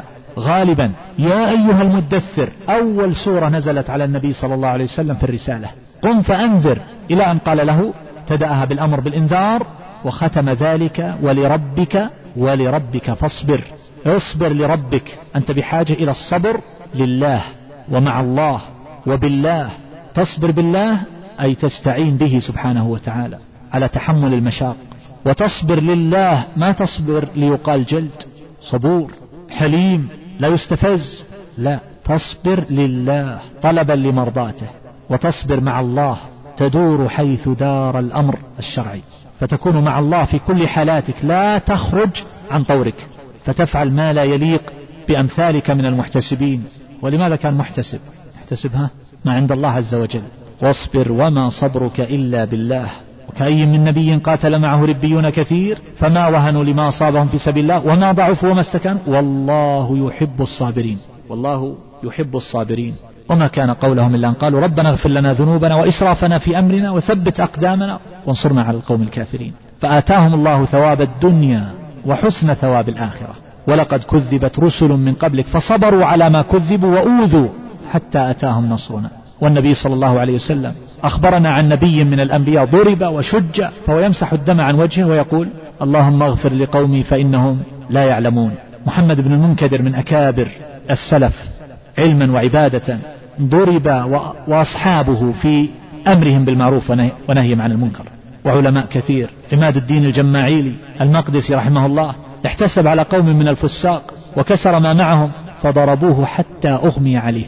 عالم يضرب حتى حتى الإغماء وأنت ما تريد أن يقال لك كلمة فهذا ما يتعلق بالصبر حبس النفس عن الجزع والتسخط وحبس النفس عن الضجر وحبس النفس فلا تخرج إلى ما لا يليق من الأقوال والأفعال المشينة. بسم الله الرحمن الرحيم. أقول أيها الإخوان المسلم الذي يقوم بالحسبة سيواجه ألوانا من أخلاق الناس وسيواجه أمورا قد ينفرط معها صبره. سيسمع ما يؤذيه وقد يرى ما لا يسره ولربما طالته أيديهم أيضا. فأقول أيها الإخوة هو مأمور بالصبر ومن مقتضى هذا الصبر أن يحبس نفسه فلا يخرجه ذلك الاستفزاز إلى حد الغضب الذي يتصرف معه بما لا يليق. وذلك أنه بحاجة إلى الحلم وهو الأدب التاسع. حاجة إلى الحلم والأحلام كما قيل ليست الأحلام في حال الرضا إنما الأحلام في حال الغضب. ليس الحلم حينما يستقبل الإنسان بالابتسامات والدعوات إنما الحلم حينما يسمع كلاما يجرح مشاعره حينما يشتم حينما يتعامل معه تعاملا سيئا حينما يرى أمورا تستفزه. فهنا يأتي الحلم. ويستطيع الإنسان أن يروض نفسه على هذه الخصلة الكريمة إن لم يكن قد جبل عليها. من الناس من يهبه الله عز وجل حلما كما قال النبي صلى الله عليه وسلم لأشج عبد القيس إن فيك خصلتين يحبهما الله الحلم والأناة فلما سأل النبي صلى الله عليه وسلم هل هو شيء تخلق به أو أنه شيء جبله الله عليه فأخبره النبي صلى الله عليه وسلم أن الله قد جبله على ذلك. فأحيانا يكون الحلم جبلة وأحيانا يتوارثه الناس. تجد أهل البيت يتصفون به وأحيانا لا يكون كذلك فالناس يتفاوتون في تحصيله والاتصاف به. لكن الترويض كما أن التعلم يحصل بالتعليم فكذلك التحلم. ومن أنجع ما ينفعه في هذا تخلق بالحلم أنه يروض نفسه. أن كل موقف يحصل فيه استفزاز أنه مقامات من مقامات أنه مقام من مقامات الاختبار. كيف يروض نفسه على الحلم؟ إذا قابله الناس بالكلمات الجميلة؟ لا إنما في المحك في حال الإغضاب. وهذا يفيد في تعامل الإنسان مع الزوجة مع الأولاد مع الطلاب مع الباعة مع المشترين مع كل أحد. هذا هو الميدان. الذي يمكن فيه أن يتعلم هذه الصفة والخصلة فروض نفسك على هذا. قدر في نفسك أن كل مقام يحصل فيه استفزاز أن هذا موطن اختبار. تفلح فيه أو تخفق. لكن الإنسان أحيانا يطيش فينسى. الكلام النظري يختلف عن التطبيق العملي. فيتصرف تصرفات تحسب عليه ولا تليق فيه. والله قد وصف أبا الأنبياء عليه الصلاة والسلام إبراهيم الخليل بقوله إن إبراهيم لأواه حليم. ألقوه في النار. وجاء الملائكة إليه وأخبروه عن هلاك قوم لوط وهم يفعلون فاحشة ما فعلت قبلهم فجعل يجادلهم في هؤلاء بعدم إهلاكهم والإمهال لعلهم ولعلهم ولعلهم. بينما لا نحن لو فكرنا في أنفسنا لربما خير الإنسان في هلاك أهل الشر ومن ملأوا الأرض فسادا وإفسادا لو كان الهلاك بأيديهم ما أمهلهم لحظة ولا أوقع بهم أشد العقوبات والمثلات. أليس كذلك؟ إبراهيم صلى الله عليه وسلم يجادل الملائكة في قوم لوط. وذكرت لكم ذلك النبي الذي ضربه قومه فهو يدعو لهم اللهم اغفر لقومي فإنهم لا يعلمون. نحن بحاجة إلى الحلم والحلم إنما يكون في وقت الاستفزاز والإغضاب. ما يعرف الإنسان أنه حليم في وقت الرضا والراحة وسماع ما يحب قد حليم أبدا. ثم هو بحاجة أيضا مع رفقه وحلمه وصبره أن يتلمس الأرفق والألطف والأسهل في هداية الناس. أن هو لطيف وحليم ورفيق وصبور ويبدأ بالأهم فأراد أن يعالج جانبا معينا. وأمامه إزاء هذه المعالجة طريقان. الطريق الأول ربما يحتاج فيه إلى شيء من البتر أو المعاقبة أو في هذا الطريق شيء من الوعورة والطريق الآخر ألطف وأقرب فعنده قواعد. الخطأ في العفو خير من الخطأ في العقوبة. الخطأ دائما تعامل مع الناس أيا كانوا الخطأ في العفو خير من الخطأ في العقوبة. أنت لا تدري هنا هذا المقام الأفضل فيه المعاقبة أو العفو. قد تعفو ثم تكتشف أن هذا الإنسان ما يستحق. فما هو الأفضل؟ نقول إذا ترددت فأن تخطئ في عفوك أفضل من أن تخطئ في عقوبتك ثم تكتشف أن المقام ما كان يحتاج هذا. هذه واحدة. أمر آخر. إذا تلجلج في نفسك أمران من القول أو العمل. أحدهما يعني تلجلج اللطف وغير اللطف. تلجلج أن تغلظ على هذا الإنسان أو أن تقول كلمة فيها صعوبة فيها شدة أو تقول كلمة طيبة. قل الكلمة الطيبة. قل الكلمة اللطيفة. قل العبارة المحببة إلى النفس. إذا ترددت أنت الآن أمام موقف معين. فملأت فمك تريد أن تتكلم الآن. ثم بدأت تريد اختيار الألفاظ. هل تختار لفظة فيها خشونة أو لفظة فيها ما هو الأفضل؟ نقول اختار اللفظة اللطيفة. في كل شيء في كل شيء. دائما كثير من الناس يقول قصدت زجر الزوجة قلت علي الطلاق وعلي الحرام وكذا. قل علي الزواج وعلي الحلال وعلي. ما يضرك أحد الكبرى من السلف؟ قيل له بماذا حصلت هذه المنزلة؟ الناس لا يعدلون به. قال برخص بلاش بلا ثمن. دعا الجارية فقيل نائمة. فقال أنام الله عينها عن الشر. فدعا الغلام فقيل مشغول. قال شغله الله بطاعته. يقول السائل فتبسمت. اللي سأله قال بماذا حصلت المنزلة؟ يقول فتبسمت فالتفت فقال أضحك الله سنك. يوزع كلمات طيبة. ما قال نائمة. ما دعا عليها. ودعا على الغلام المشغول. ودعا على هذا الذي يضحك قال ما يضحكك تشمت بي. أضحوك أمامك أبدا. أضحك الله سنك. بلاش. هو خسر شيء؟ المشكلة أن النفس أحيانا تغلبنا أيها الإخوان ولكن الموفق من وفقه الله عز وجل. فغلب نفسه وزمها وخطمها. هذا يحتاج مجاهدة وترويض ثم بعد ذلك شيئا فشيئا حتى يصبح سجية وعادة لك. تخلق بهذه الأخلاق. الناس يقبلون منك ويحبونك. انظروا كيف علمنا الله عز وجل. وإن طائفتان من المؤمنين اقتتلوا فماذا نصنع؟ فأصلحوا بينهما. البدء بالأرفق. فإن بغت إحداهما على الأخرى بعد الإصلاح فقاتلوا له. ما هو من البداية؟ القتال. وكذلك في تأديب الزوجات. الزوجة الناشز فعظوهن في البداية. وعظ. ما تبدأ بالضرب. ثم الهجر لأنه أشد على المرأة. هجروهن وين؟ في المضاجع يدير لها ظهره فقط في الفراش. هجروهن في المضاجع. ما يضربها يشتمها ينام في طرف البيت وهي في طرف آخر. سنوات وأحقاد فيما نسمع من كلام بعض النساء. على كلمة قالتها. أو يطلق. لا يدير ظهره. هجروهن لتحس الخطأ. هجروهن في المضاجع. واضربوهن. فإن أطعنكم فلا تبغوا عليهن سبيلا. بالترتيب. من الناس من تكفي النظرة. ومنهم الإشاحة. ومنهم الكلمة الطيبة المؤثرة. ومنهم من يحتاج إلى كلمة فيها شيء من الغلظة. لكن ينبغي أن تقدر أن هذه الكلمة اللي تقال في حقه أنها تبني ولا تهدم وأنها تنفع وتعالج. ما تزيد الجرح فينقطع الحبل والصلة مع هذا الإنسان ثم يسرح في أودية الهلكة. ليس هذا هو الطريق. الولد لا يصلي أخرجه من البيت. لماذا أخرجه من البيت؟ ليه يا أخي؟ وين بيروح إذا خرجته من البيت؟ إذا كان سيذهب إلى بيت الله الحرام ويجلس تحت سواري الحرم. هذا جيد. لكن المشكلة إذا أخرجته من البيت ووقع في أحضان الشلل فليس هذا هو العلاج؟ ليس هذا هو العلاج. وهكذا. وهذه الأمور جميعا تتطلب من الإنسان أن يكون طبيبا حاذقا وهو الأدب الحادي عشر تقدير المصالح والمفاسد. تقدير المصالح والمفاسد. أحيانا تجتمع أكثر من مفسدة. لا بد من فعل واحدة منها.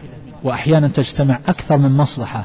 لا بد من إهدار واحدة منها وأحيانا تجتمع مصلحة ومفسدة ويحصل التزاحم.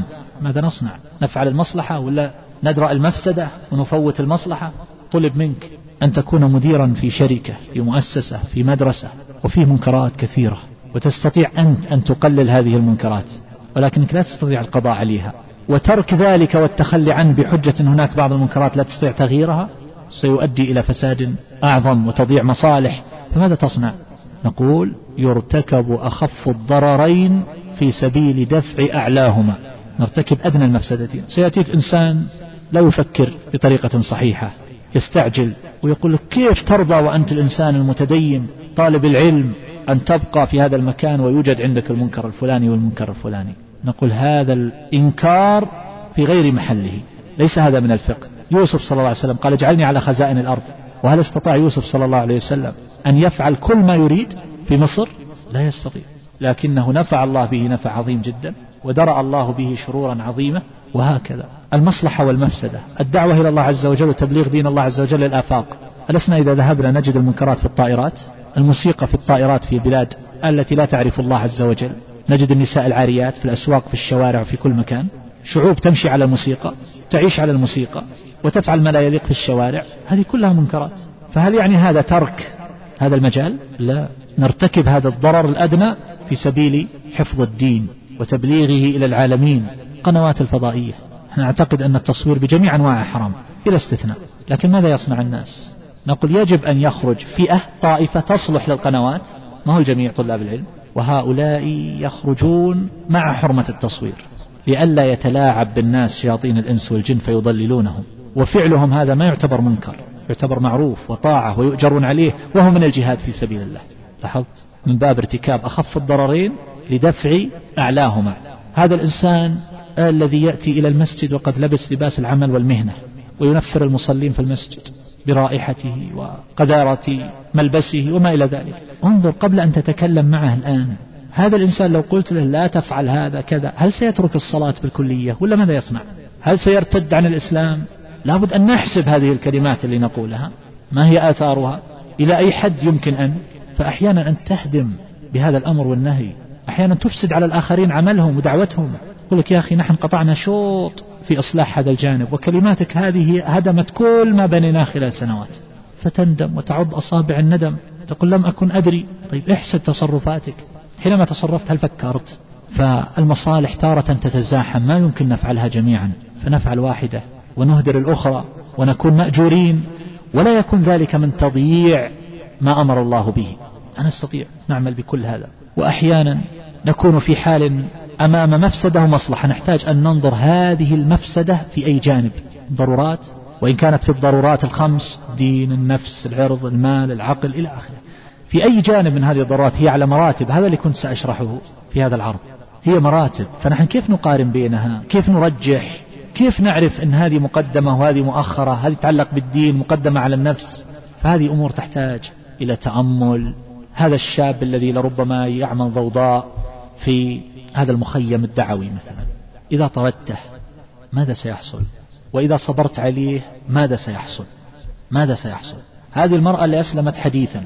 ولربما تأتي بلباس. الأخوات يسألون عن المراكز الصيفية. ترى المراكز أحيانا يدخلها نساء بلباس عباءة كتف وألبسة ما تصلح ونقابات ما تصلح. ما هذا؟ قالوا هؤلاء بنات في المجتمع في المجتمع. سمعوا عن هذا البرنامج وجاءوا إليه. هل نردهم بسبب لباسهم؟ ونقول البسوا وإلا ما تأتون ولن يأتوا؟ أو أننا نصبر عليهم ونوجههم ونعلمهم فيخرجون من هذا المركز بإذن الله عز وجل صالحات مصلحات. ماذا نصنع؟ نزجرها ونغضب عليها ونشتمها نهزئها أمام الطالبات ونطلعها في لا هذا نحتاج إلى دراسة. ننظر إذا جاءت ما المفسدة اللي تحصل؟ هل يتأثر بها الطالبات أو لا؟ هل نستطيع نعزلهم في مكان لوحدهم؟ نضع لهم برامج مناسبة لهم؟ لا يتأثر الأخريات؟ هذه كلها تحتاج إلى دراسة عميقة دون أن نتعجل ونلقي الأحكام والكلام على عواهنه. فهي سهام نرشق بها كل من يعمل لدين الله عز وجل دون حساب. هذا الإنسان الذي لربما يتصرف تصرفات لا تعجبك. لو سألته قال لك يا أخي أنا أدري أن هذا الشيء فيه مخالفة ولكنني أدفع به أمرا أعظم من هذا عن المسلمين.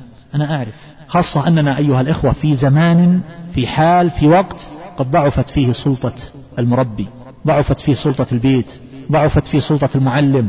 في السابق لربما المعلم يأخذ الطالب ويضربه ضربا مبرحا وأبوه يقول لك العظم لك اللحم ولنا العظم. هذه العبارة الشهيرة عند الطلاب قديما. عند الآباء. الآن الوضع يختلف. الآن الطالب الأستاذ لو, لو أنه تكلم بكلمة لربما ضربه الطالب. ضعفت سلطته. ضعفت سلطة البيت. يحاول أن يحمل بنته على ما يليق. ما لا تطيعه. الولد لا يطيعه. تجد الولد صالح والأب فاسد مفسد الأب صالح والولد فاسد مفسد. يروح المنكر على وجهه. طيب ما الحل؟ ما هو الحل؟ أحد الطلاب رأيته في حال يرثى لها رثاثة الثياب غبرة. فعجبت لما رأيت والده في حال من البهاء ونضارة الوجه وأمارات الصلاح بادية عليه. هذا ابنك؟ قال نعم. سألت عن حاله معه وكذا. تبين أنه إذا غضب أخرجه من بيته. يقول الولد يقول أنا أنام في مؤخرة السيارة في الونيت في البرد. يقول أنام فيها وأتي للمدرسة ليس معي كتاب وليس معي ثوب نظيف يخرجني من البيت. هل هذا هو الحل؟ هل عالج المشكلة؟ فأقول نحن حينما نأمر وننهى لا بد أن نراعي هذه القضية المصالح والمفاسد. قاعدة درء المفاسد مقدمة على جلب مقدمة على جلب المصالح ليست على إطلاقها فيها تفصيل. وهناك آداب أخرى إذا استطعنا نفعلها وإلا ليست ضرورية لكنها تعين على تكثير الخير وتقليل الشر. مثل إيجاد البديل. الله نهى عن نهانا عن أعياد المشركين وشرع لنا الفطر والأضحى. تعظيم السبت والأحد عند اليهود والنصارى عندنا الجمعة. البوق والناقوس عندنا الأذان. فنهانا عن أشياء وعوضنا الله عز وجل خيرا منها. فنحن إن استطعنا أن نوجد للناس بديل عن المنكر والشر نوجد لهم. ولو فيه توسع في المباح. الناس يتفاوتون. من كانوا يتمرغون في المنكر والمعصية والحفلات الماجنة نضع لهم حفلات فيها مباح وتوسع في المباح من الشعر والقصائد والأمور المضحكة المباحة والطرائف والنكت وما أشبه ذلك وإن كان هذا لا يليق بأهل الكمالات لكن هذا يصلح لهذا. وهؤلاء اللي يقومون بهذا العمل مأجورون وهم في عمل صالح وجهاد يشكرون عليه. لكن هذا الإنسان طالب العلم أو الداعية أو غير ذلك لا يصلح له مثل هذا المقام وقضاء الليل بمثل هذه الأشياء. لكن هؤلاء ماذا تصنع لهم؟ إن تركتهم افترسهم شياطين الإنس والجن. الله يقول لنا يا أيها الذين آمنوا لا تقولوا راعنا وقولوا انظرنا. هنا عن شيء وأمر عن شيء. لوط صلى الله عليه وسلم ماذا قال لقومه؟ هؤلاء بناتي هن أطهر لكم. عرض عليهم الزواج من بناته مقتضى الفطرة. وكذلك النبي صلى الله عليه وسلم لما استعمل رجلا على خيبر وجاء بتمر جنيب وسأله النبي صلى الله عليه وسلم هل كل تمر خيبر هكذا؟ قال لا نشتري الصاع بالصاعين إلى آخره. فعلمه النبي صلى الله عليه وسلم كيف يبيع الجمع بالدراهم ثم يشتري بالدراهم جنيبا. الرجل المصور الرسام اللي جاء لابن عباس وسأله عن عمله فأخبره ابن عباس بأن أصحاب هذه الصور يعذبون يوم القيامة. قال لهم أحيوا ما خلقتم. فربى الرجل ربوة تفخ رسام وعيشة عليها لهوى ومعيشة في هذا الباطل والمنكر. فربى ربوة مر وجهه تفخ. فقال ابن عباس ويحك إن كنت فاعلا لا محالة فعليك بهذا الشجر وما لا روح له. رسام فرغ. هذه الهواية والطاقة في رسم البيوت القديمة والأشجار والوديان والمياه والخضرة وما إلى ذلك مما لا روح مما لا روح فيه. وهكذا كان يفعل بعض أهل العلم. هذا ابن كثير رحمه الله يذكر في حوادث سنة اثنتين وثلاثمائة بعد ستمائة. يقول فيها خرب الملك الأشرف ابن العادل خان الزنجاري الذي كان فيه خواطئ وخمور ومنكرات متعددة فهدمه وأمر بعمارة جامع مكانه سمي جامع التوبة جامع التوبة. وكذلك لما هدم أمر النبي صلى الله عليه وسلم بهدم ذي الخلصة صنم لدوس بني جامع مكانه. وفي حوادث بعض السنين في كتب التواريخ توجه رجل من أهل الصلاح يقال له عبد الله الزيلعي إلى الجيزة في مصر فبات بقرب أبي النمرس وسمع صوت ناقوس كنيسة فسأل فقالوا هذا كل يوم حتى وقت صلاة الجمعة فسعى في هدمها حتى هدمت ووضع مكانها مسجد. وفي حوادث سنة سبع وثلاثين وسبعمائة كانت هناك دار في مصر على النيل تجري فيها ألوان المنكرات حتى عرفت بدار الفاسقين فاشتراها الأمير عز الدين الخطيري وهدمها وبنى مكانها جامعا سماه جامع التوبة. ومن الآداب التي تعين وتقوي ويحسن مراعاتها أن يكون ذلك سرا نصيحة الأمر والنهي تأخذ على جنب تنتظر حتى يخرج الناس ثم تخبر هذا الإنسان. كما قال الشافعي رحمه الله من وعظ أخاه سرا فقد زانه ومن وعظه علانية فقد فضحه وشانه. تعمدني بنصحك في انفرادي وجنبني النصيحة في الجماعة فإن النصح بين الناس نوع من التوبيخ لا أرضى استماعه.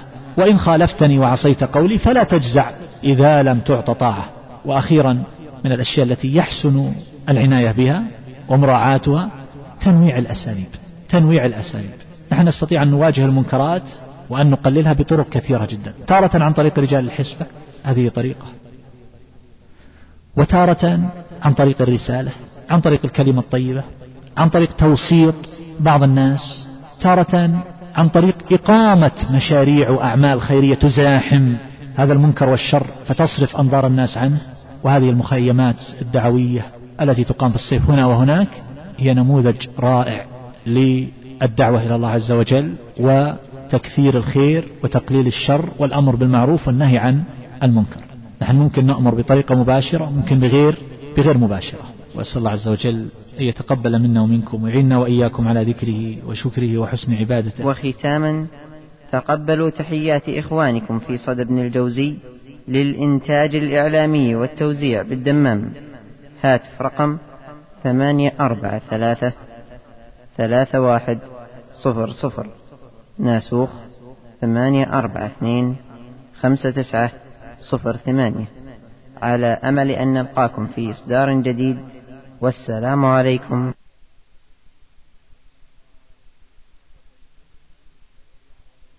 صدى ابن الجوزي للإنتاج الإعلامي والتوزيع.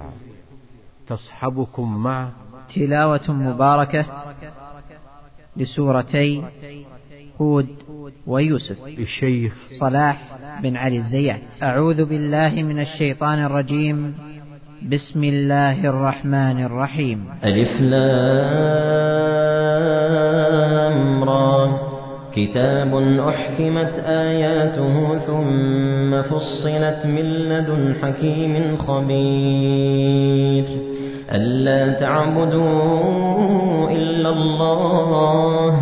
إنني لكم منه نذير وبشير.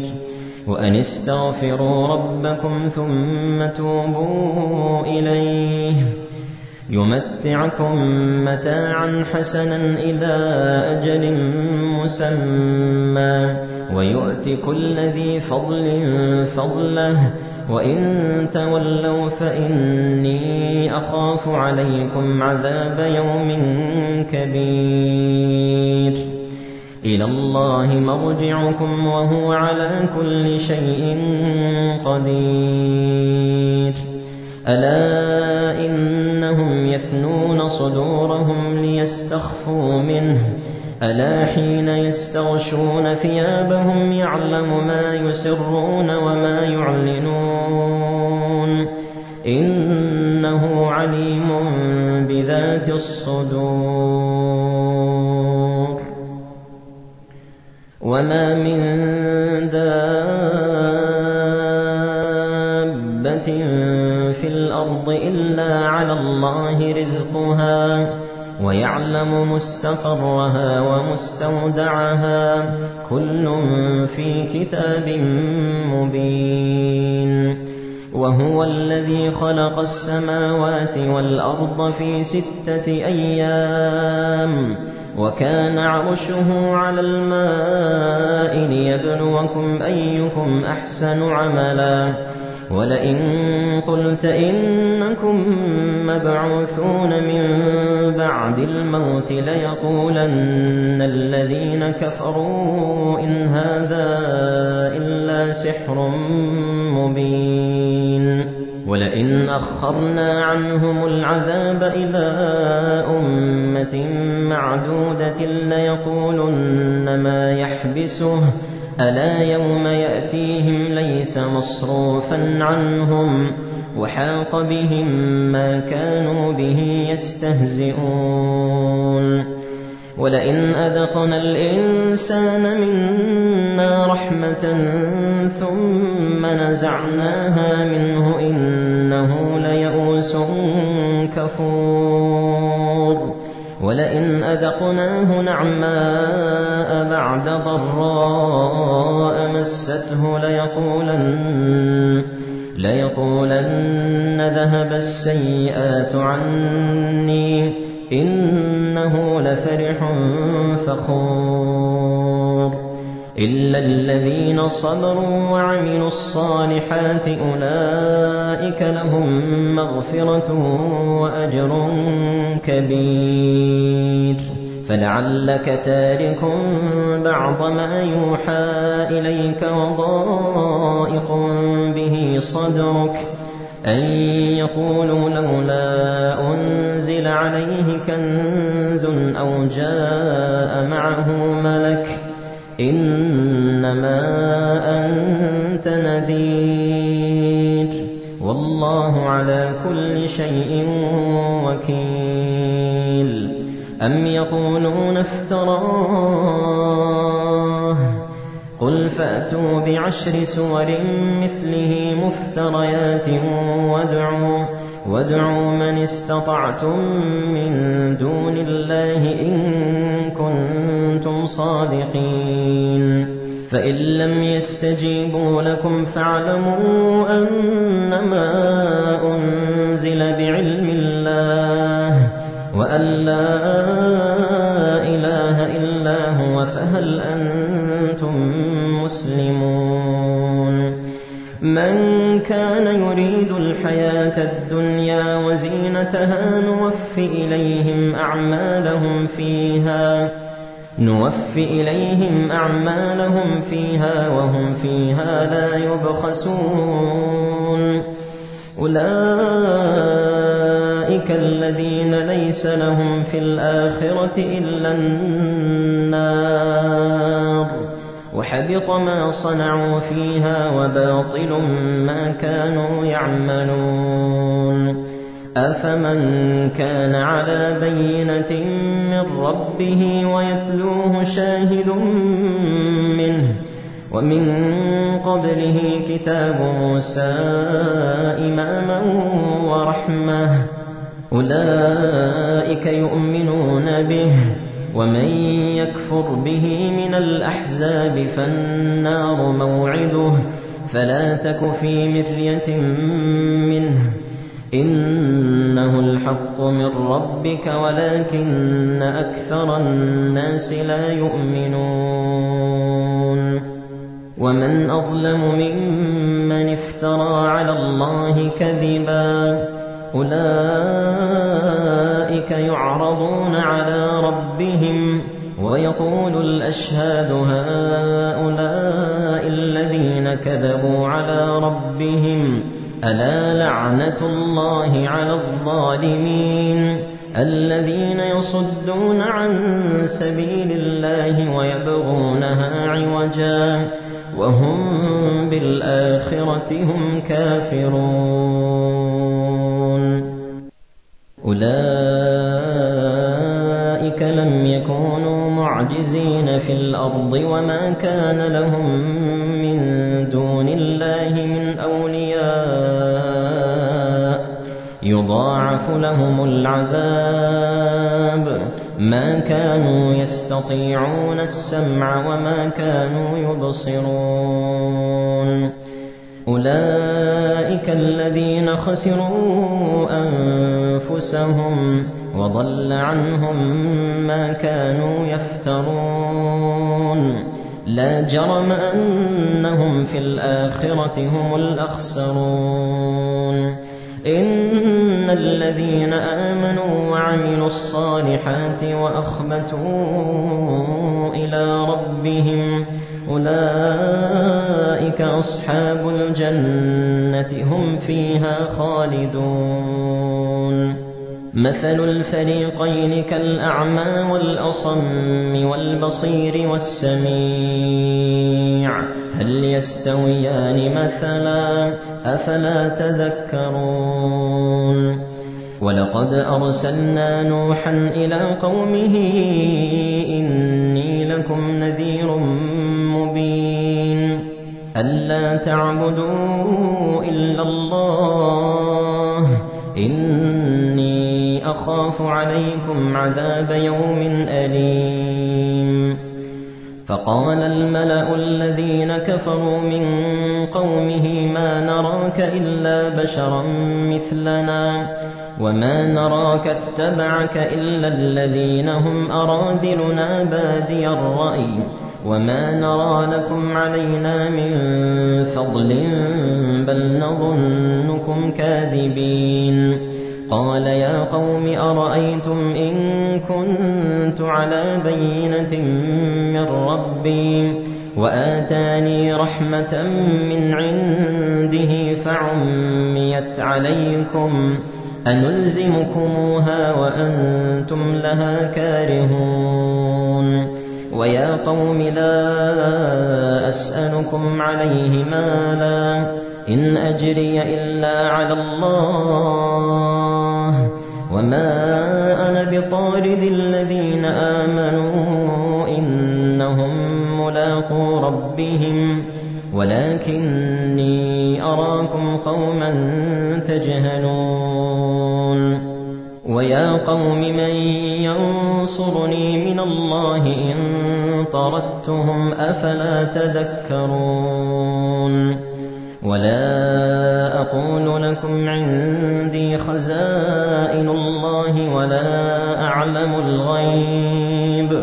ولا أقول إني ملك ولا أقول للذين تزدري أعينكم لن يؤتيهم الله خيرا الله أعلم بما في أنفسهم. إني إذا لمن الظالمين. قالوا يا نوح قد جادلتنا فأكثرت جدالنا فأتنا بما تعدنا إن كنت من الصادقين. قال إنما يأتيكم به الله إن شاء. وما أنتم بمعجزين ولا ينفعكم نصحي إن أردت أن أنصح لكم إن كان الله يريد أن يغويكم هو ربكم وإليه ترجعون أم يقولون افتراه قل إن افتريته فعلي إجرامي وأنا بريء مما تجرمون وأوحي إلى نوح أنه لن يؤمن من قومك إلا من قد آمن فلا تبتئس بما كانوا يفعلون واصنع الفلك بأعيننا ووحينا ولا تخاطبني في الذين ظلموا إنهم مغرقون ويصنع الفلك وكلما مر عليه ملأ من قومه سخروا منه قال إن تسخروا منا فإنا نسخر منكم كما تسخرون فسوف تعلمون من يأتيه عذاب يخزيه ويحل عليه عذاب مقيم حتى إذا جاء أمرنا وفارت النور قل نحمل فيها من كل زوجين اثنين وأهلك وأهلك إلا من سبق عليه القول ومن آمن وما آمن معه إلا قليل. وقال اركبوا فيها بسم الله مجريها ومرساها إن ربي لغفور رحيم.